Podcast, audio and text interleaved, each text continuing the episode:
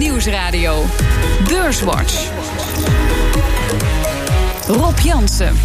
Welkom bij Beurswatch, het enige beleggingsprogramma op de Nederlandse radio... met Martine Hafkamp van Vintessa Vermogensbeheer en Kees Smit van Today's Vermogensbeheer. Welkom. Ja, de AEX heeft een goede start gemaakt dit jaar. Eh, het economisch nieuws wordt er eh, niet vrolijker op. Hoe verklaren jullie dat de beurzen zich hier weinig van lijken aan te trekken? Martine? Nou, ik denk dat de beurzen er een aardig voorschotje opgenomen hadden. Je ziet ook altijd beurzen lopen vooruit. En eigenlijk zijn we nu misschien dan wel weer aan het voorsorteren op de tweede helft van het jaar. En uh, bedoel, ze hebben ons allemaal wel een heel klein beetje recessieangst aan laten praten. Mm.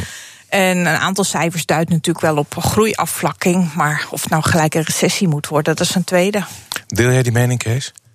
Natuurlijk niet. Maar uh, nee, uh, kijk, ik zie ook een beetje de, de, stijging wel als een reactie op de daling van, van vorig jaar. Natuurlijk, vorig jaar zijn we behoorlijk hard, hard gedaald. En in die zin zie je heb je nu een beetje correctie weer nodig. Het was de week waarin TomTom zijn telematica-divisie wist te verkopen. Het Japanse Bridgestone betaalt 910 miljoen euro voor het TomTom-onderdeel. Het is nu in goede handen, zegt topman Harold Gordijn. Ik ben tevreden met het bedrag. Ik ben ook tevreden met de koper. In de zin dat ik denk dat het uh, telematica-onderdeel bij Bridgestone ook een prima onderdak vindt. En daar, daar weer verder kan groeien en allerlei nieuwe spannende dingen kan doen. Dus ik vind het uh, al met al een. Ben ik erg mijn nopjes met deze transactie. En topman Peter Wenning van ASML blijft optimistisch voor 2019, ondanks de handelsoorlog tussen Amerika en China. Aan de andere kant zijn er ook bewegingen, zoals de continue vraag naar de meest geavanceerde chips. Uh, dat wordt gedreven doordat we steeds meer gebruik maken van de cloud, dus van het internet. 5G komt eraan, dus vraag naar uh, chips voor uh, zelfrijdende auto's, kunstmatige intelligentie. Ik kan zo wel doorgaan. En Mario Draghi verandert niets aan het rentebeleid van de ECB, maar hij ziet wel wat donkere wolken samenpakken boven Europa. Incoming data have continued to be weaker than expected as a result of a slowdown in external demand, compounded by some country and sector specific factors. Een of andere manier vind ik het toch wel uh, grappig of een genot om naar die man uh, te luisteren. Uh, maar goed. Um, we gaan zo naar het goede nieuws, maar naar het zoet. Maar we moeten eerst eventjes naar het zuur. Draghi spreekt van een vertraging van groei. Slowdown in demand, zegt hij letterlijk. Dat is letterlijk natuurlijk vertraging van de vraag. Um, ja, vorig jaar werd er misschien nog wel gedacht aan een renteverhoging door Draghi. Ja, vlak voor zijn pensioen later dit jaar, daar gaat niemand eigenlijk meer van uit. Martine, als je de data van afgelopen weken bekijkt, zoals de inkoopmanagersindices, zien we bijna dus het stilvallen van de groei.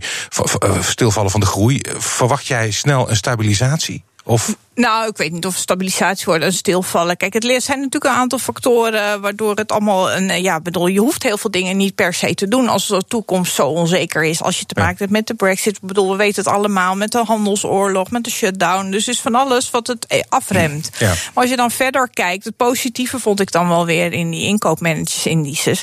Dat er ook wel weer dingen weer meevielen. Kijk, IFO-index, dus Duitse ondernemersvertrouwen, dat ja. viel dan eigenlijk. Dat, dat zie je echt heel hard naar beneden gaan. Ja. Maar aan de andere kant, in de, om de korte termijn hebben ze nog wel vertrouwen in de toekomst. En kijk, uh, ja, Duitse automobielsector is natuurlijk best hard geraakt de afgelopen tijd. Ja. Uh, Duitse, uh, Duitse regering heeft ook nog, ja precies, dat heb je ook nog, maar ook nog de Duitse regering gaat natuurlijk de groeiverwachtingen wel redelijk fors naar beneden bijstellen naar verwachting. Je hebt nog wel een paar Duitse rommelbankjes. Mm. Want iedereen heeft over Italië, maar het hete hangijzer is natuurlijk Deutsche Bank met ja. wie die samen zou moeten gaan. Ja. Dus er is, er is van alles wel onzeker. Maar ja, bedoel, er is ook nog wel heel veel wat wel goed gaat in de wereld. En als je dan iets langer kijkt dan uh, drie maanden, ja, ja, dan heb ik er nog wel vertrouwen in. Ben jij er ook vertrouwen in, Kees?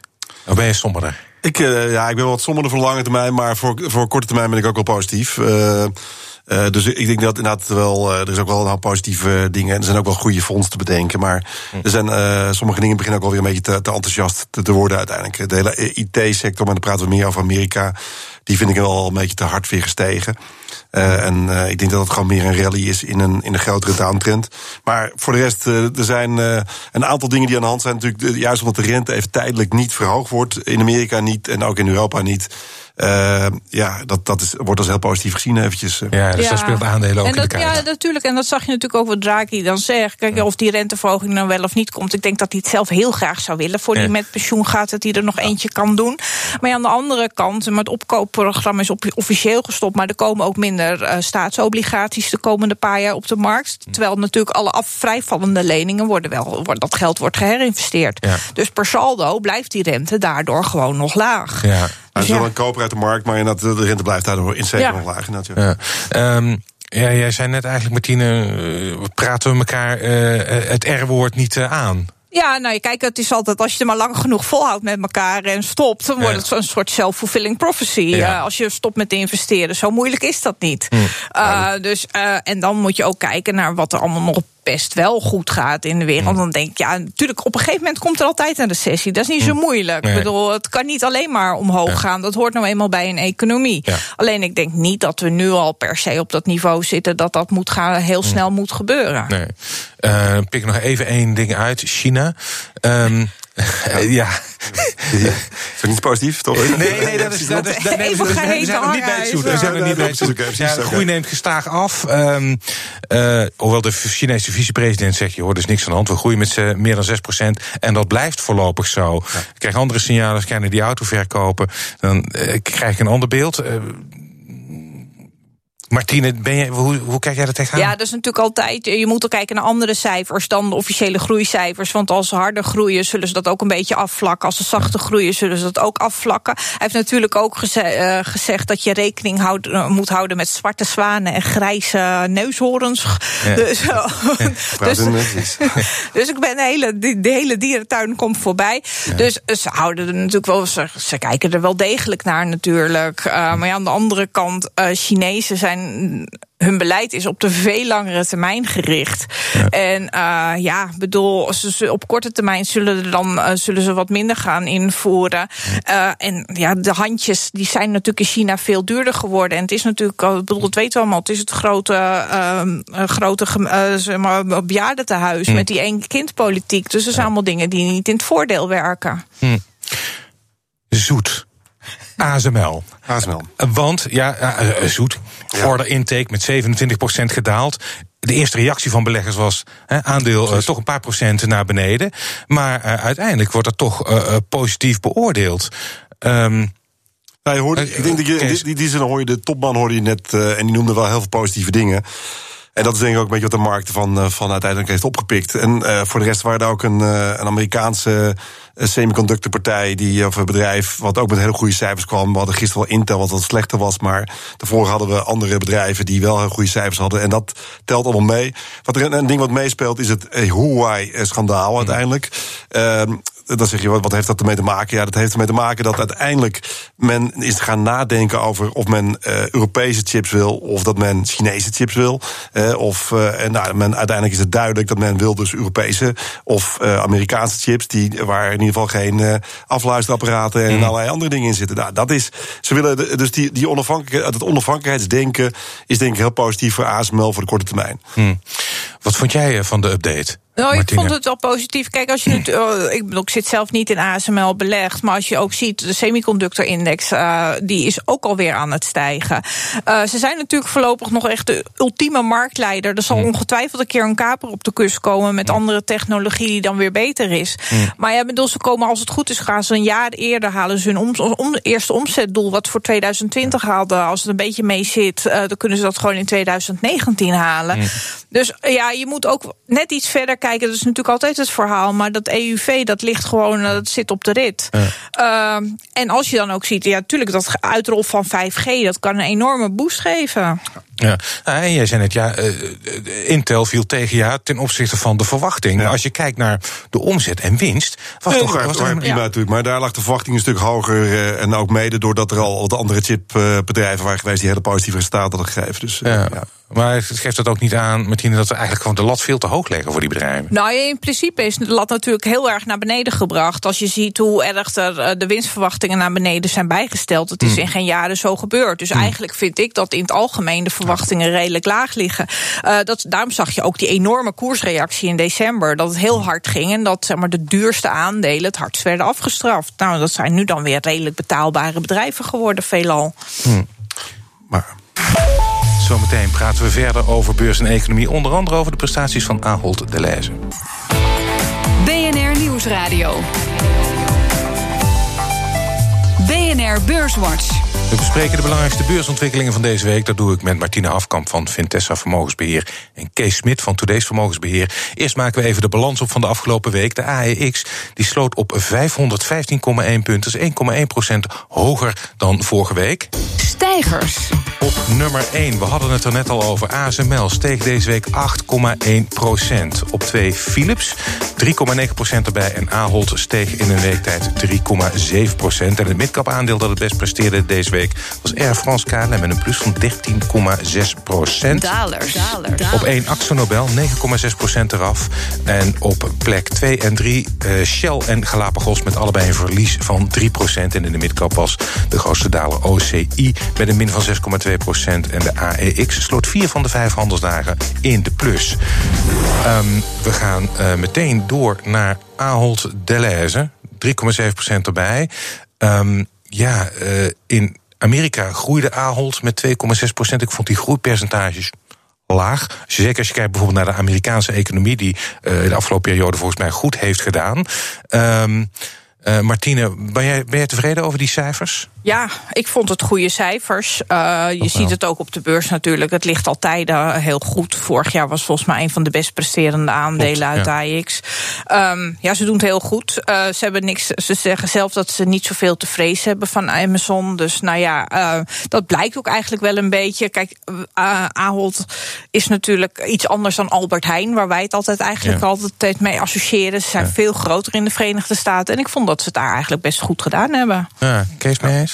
Nee, zeker. Helemaal mee eens. Uh, prima, prima aandeel, goedkoop, uh, mooi dividendrendement en uh, een tonnen groeien en ook weer een defensieve aandeel uiteindelijk. Dus het heeft eigenlijk een beetje alles wat je nu zou willen hebben in een aandeel, heeft het eigenlijk op de moment. Hmm, ja, uh, jullie zeggen terecht, uh, Amerika is eigenlijk, hè, daar komt meer dan de helft van de omzet en de winst vandaan.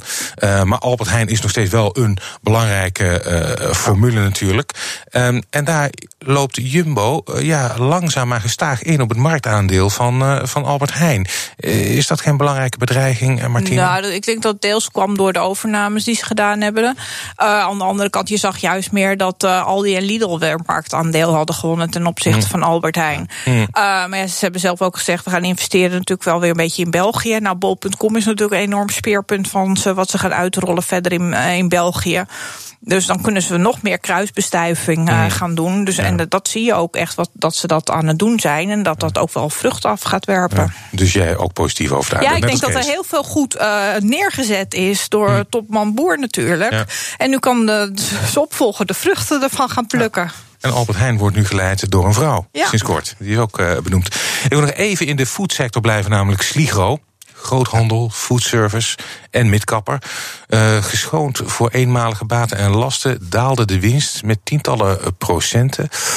Um, ja, had te maken met, uh, met de bezorging uh, onder andere. Dat was een van de ja. dingen die ze zelf aannoemde. En ze, dus uh, ja, ik, ik misschien noemen haast de gele hesjes er ook wel bij, zoals andere bedrijven dat deden deze week. Hebben ze. maar, maar nee, dus in principe, ik denk dat dat het is niet mijn favoriet. Ik denk mm. dat ik, ik zou het ANA niet willen hebben in, de, en in deze sector. En ik vind het wat duur in deze sector zelfs uiteindelijk. Dus, mm. dus wat dat betreft, het is, dit is niet alleen klein, maar ook specialistisch. En, mm. en daarmee uh, ja. staat niet echt bij jou op de radar. Nou, het staat op de radar, maar, maar niet als, als ik koop, om het zo maar even te nee. zeggen. Dus, en, en oh, het is te klein om te shorten, dus daarmee uh, staat het... Dat is jouw hobby. Ja, dus, uh, zeker. Dus, maar ik, blijf, ik, blijf er gewoon helemaal vanaf. Voor mij ja? is het... Ja, well, Nee, het is, nou, het is voor mij een uh, te klein aandeel als ik mm. dat voor klanten zou willen kopen. Dat is mm. niet dat Sligro geen goed bedrijf is, maar nee. het staat, bedoel, in die zin kan ik er niet zo heel veel mee. En buiten dat, ik vind, oh ja, het was natuurlijk, het, nou, je moet je kijken dus wat het inhuren van externe krachten, wat het kost. En ze hebben ja. zelf ook gezegd, nou ja, voorlopig blijft dat ook nog zo. Ja. Uh, ze willen natuurlijk wel die flexibele schil houden, omdat ze natuurlijk ook alweer anticiperen op misschien eventueel wat mindere tijden. Ze hebben zeggen wel, nou, dat de klantbeleving omhoog is gegaan, dus dat ze loyale klanten hebben in het ja. horeca-segment. Ja, het is een. Uh, ja, ik bedoel, op zich is er best veel goed. Alleen ik denk als je zoveel moet inleveren op je marge door mm. voor zoiets, nou ja, dan is het toch wel uh, ben je best duur uit. Ja, er zat ook wat uh, inderdaad een aantal one-offs in, zoals dat die verkoop van Esme ja. en dat soort dingen. Dus dat was een beetje. De, maar ik maak het jullie woorden op. midkapper, anderhalf miljard is eigenlijk al klein. Uh, maak ik even een stapje naar een andere midkapper, 5 miljard waard. Grand Vision voor 80% in handen van Hal, eigenaar ook van BNR trouwens. Um, ja, je noemt het al, de gele hesjes. Ja. Grand Vision heeft last van protest. Uh, winkels die niet ja, open ik vond kunnen. Het, ik vond dat wel een beetje, want uiteindelijk waren er ook minder, minder omzetten bij een aantal supermarkten en zo. En die heb ik er niet horen af horen klagen. Ja. dus ik vond het een beetje een gezocht argument uiteindelijk. Er er nog een gezocht argument, hè? Valutaire tegenwind. Oh, ja. tegenwind, precies. Dus, ja, vanuit Frankrijk heb je die franken die dan uiteindelijk in de euro. ja, nee, dus ik vond het een beetje. kijk, nogmaals, ik denk dat deze sector is, daar ben ik al een tijd geen fan van. Ben ik eerlijk in. heb ik ook wel eerder ook, geloof ik, hier in de uitzending gezegd. Van, dus, ik, ik heb de hele tijd niet begrepen waarom die brillenbedrijven, waarom iedereen het zo leuk vindt. Want er is enorm veel concurrentie. En. Uh, ja, en onze jaar is vergrijzing en mensen hebben brillen nodig. Zelfs uh, vandaag hier in de uitzending had iemand een bril nodig. Maar het is uh, in die zin, ja, zou ik, zou ik ze niet willen hebben eigenlijk. Ja, nou, ik, ik kan met mijn inderdaad oude bril zien dat die koers eigenlijk niet zo heel veel heeft. Het is wel ja. pieken dalen, maar per saldo niet veel heeft gedaan. Kees staat er ook met zijn bril hoor. nee, nee, mijn bril is. dus dat ik lijk veel intelligenter meteen ook. Dus, Goed, Grand Vision ook niet. worden jullie niet warm van? Nee. En dan vrees ik eigenlijk voor het volgende bedrijf. Namelijk, uh, we hoorden hem al even, topman uh, Harold Gordijn... die heel uh, tevreden is over het feit dat hij Telematics heeft verkocht. Een onderdeel van TomTom Tom, dat naar Bridgestone... de Japanse bandenfabrikant gaat voor 910 miljoen euro. En meer dan 700 miljoen gaat naar de aandeelhouders... Martine, uh, is, dit, uh, is, uh, is dit goed voor TomTom? Tom? Kunnen ze zich nu nou, versterken met de opbrengst? Hij vindt zelf van wel. Ik vind het niet zo. Ik ben altijd geen TomTom-fan. Tom nee. Telematics is natuurlijk heel doelbewust in de etalage gezet. Ze hebben er wel minder voor gekregen dan de geruchten. De stroom die ging, dat was een op, opbrengst verwacht van tussen de 1 en de 1,5 miljard. Nou, dat is er niet uitgekomen. En als je dan ziet wat ze over hebben, ze willen natuurlijk hele specialistische kaarten maken. Dus dat je ook de lantaarnpalen ziet voor de zelfrijdende auto's. En heb je toch best wel aardig concurrentie met Heer natuurlijk. En natuurlijk Waymo van Google. Die zijn hele grote concurrenten. En dan is het eigenlijk een beetje een klein duimpje tegen de grote reuzen. Dus ja, de tijd zal het leren. Ik, uh, ik zie niet zo snel waar de groei echt vandaan moet komen. En het zijn allemaal nog hele investeringen die er gedaan moeten worden. Nou, kun jij lekker shorten, Kees? Nou, dat vind ik ook een beetje een aandeel. Om, om, zeker als, natuurlijk als je zo'n grote uitkering doet, is het niet echt een.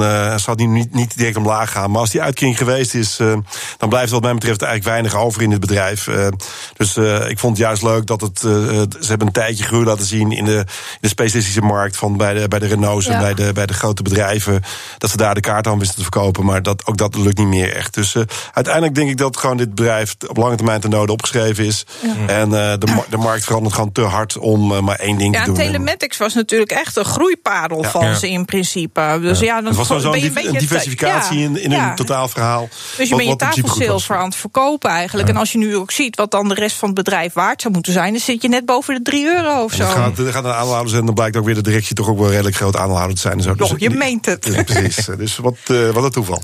Ik wil ook nog even naar Johnson Johnson, een van de grotere bedrijven in Amerika die met uh, cijfers zijn gekomen. Verwacht dit jaar, dan maar even vooruit te kijken, een omzetgroei van 1%. Dat is op zich niet zo uh, veel. Uh, ze maken medicijnen, onder andere kankermedicijnen, waarvan patenten gaan verlopen en veel huishoudelijke verzorgingsproducten. Um, Martine, volgens mij ik zit erin belegd voor mijn ja. klanten en ik ja. blijf er ook lekker in belegd. Ja, uh, wat soort, uh, ja nou, dat hebben we een mooie markt, zeg ik. nee, maar ik, ik, ik, ik, heb juist wel vertrouwen in bedrijf. Ik vind dan, als je wat economische af, uh, groeiafvlakking verwacht... dan is het een mooi defensief aandeel. Zij gaan waarschijnlijk, hoogstwaarschijnlijk helemaal niet op de grote overnametour. Mm. want ze hebben juist een heel goed gevulde pijplijn. En mm. waar beleggers de hele tijd zo bang voor zijn... is dat ze dus die, die blockbusters die uit het, uit het patent lopen... dat ze daar niet genoeg andere omzet voor hebben. Maar ze hebben eigenlijk laten zien dat ze dat wel hebben. En ze zijn een beetje bekend om hun behoudende outlooken. Dus ja, ik ben, maak me er niet zo heel erg druk ja, over. Een echt groot, groot probleem wat Johnson Johnson heeft, is natuurlijk dat ze met het, met het babypoeder in. Uh, in ja, daar hebben ze niks. Ja, dat is natuurlijk, daar hebben ze niks over gezegd. Precies, en, maar dat hebben ze nu ja. weer niks over gezegd. Nee, en, en, en de juridische kosten zijn wel verdubbeld. Precies, dus ja. dat is wel een dingetje. Maar aan de andere kant, als je dan weer verder leest, dan zie je wel dat ze wel heel veel van die individuele gevallen, dat ze die wel winnen. En ze hebben natuurlijk zelf ook aangegeven dat, ze, dat, het, dat er geen verband tussen is. Maar het, zijn, eh, ik bedoel, het is wel zo'n. Ja, het is een beetje zo'n zwaard wat boven het Het is- aandeel het is hangt. een eh, grote olifant in, in de room in dit geval. Eh, dus nogmaals, Oh ja, ik, eh, ik grote denk dat olifant, dat valt ook wel ik weer denk mee. Dat, dat dit een belangrijke reden is waarom het aandeel omlaag gegaan is. En eh, ja, nogmaals, als, als, eh, als, juist als, als dit je, je, je hoofdproduct is, zodat je, dat je daar bekend van bent, ja, dan is het een beetje Nou, dat is niet Dat je waar. daar dan, eh, ik weet nou ja. nog heel veel andere dingen waar ze bekend van ik, zijn. eh, ik heb een eh, goede oude tijd heb ik er nooit nog gewerkt. Ik ben er ooit begonnen als, eh, als Nou. eh, trainee. Dus het is wat dat betreft. maar dat eh, deed je vast niks met medicijnen. Nee, nee, dat deden we met inpakken van spullen en zo, dat soort dingen. Precies. Dus als vakantiebaan. Dus eh ik ken het bedrijf wel goed. We zijn alweer uh, aan het einde gekomen van de uitzending. En dat betekent dat jullie een tip mogen geven. Oh jee, uh. Uh, oh, je bent bevreesd. Nou, dan mag, Nee, maar, Martine, aftra- ja. dan mag Martine aftrappen. mag Ik blijf eh, in, de, in, de, in de techsector zitten. NXP vind ik nog steeds een heel leuk bedrijf. Als je het dan hebt over de uitrol van 5G. is natuurlijk ook een bedrijf want een paar jaar de koers heeft niks gedaan. Omdat het natuurlijk in de overname. uh, het natuurlijk onder de overnamestrijd lag. Uh, als je nu ziet ook, bedoel, ze timmeren echt hard aan de weg. Eigenlijk vallen kwartaalcijfers. Dat gaat allemaal best prima. En dus ze zitten op alle vlakken waar de komende tijd gewoon veel groei in gaat komen. En dan is het, heeft het misschien eventjes niet zo gedaan. Maar ten opzichte van sectorgenoten zijn ze super goedkoop. Kees, jouw tip? Ja, mijn tip. Ik heb er twee eigenlijk. Ik- Voor de hele defensieve klant heb ik uh, Royal Dutch. Kan, kan die gewoon kopen op dit moment. Het is geen sexy aandeel, maar uh, staat wel goedkoop in mijn optiek. Uh, en uh, voor de, de, mensen die met mij eens zijn dat de markt binnenkort weer terug moet, zou ik zeggen: koop een uh, put op Reed Elsevier. en dan koop je de december 19, die koop je op 1,60.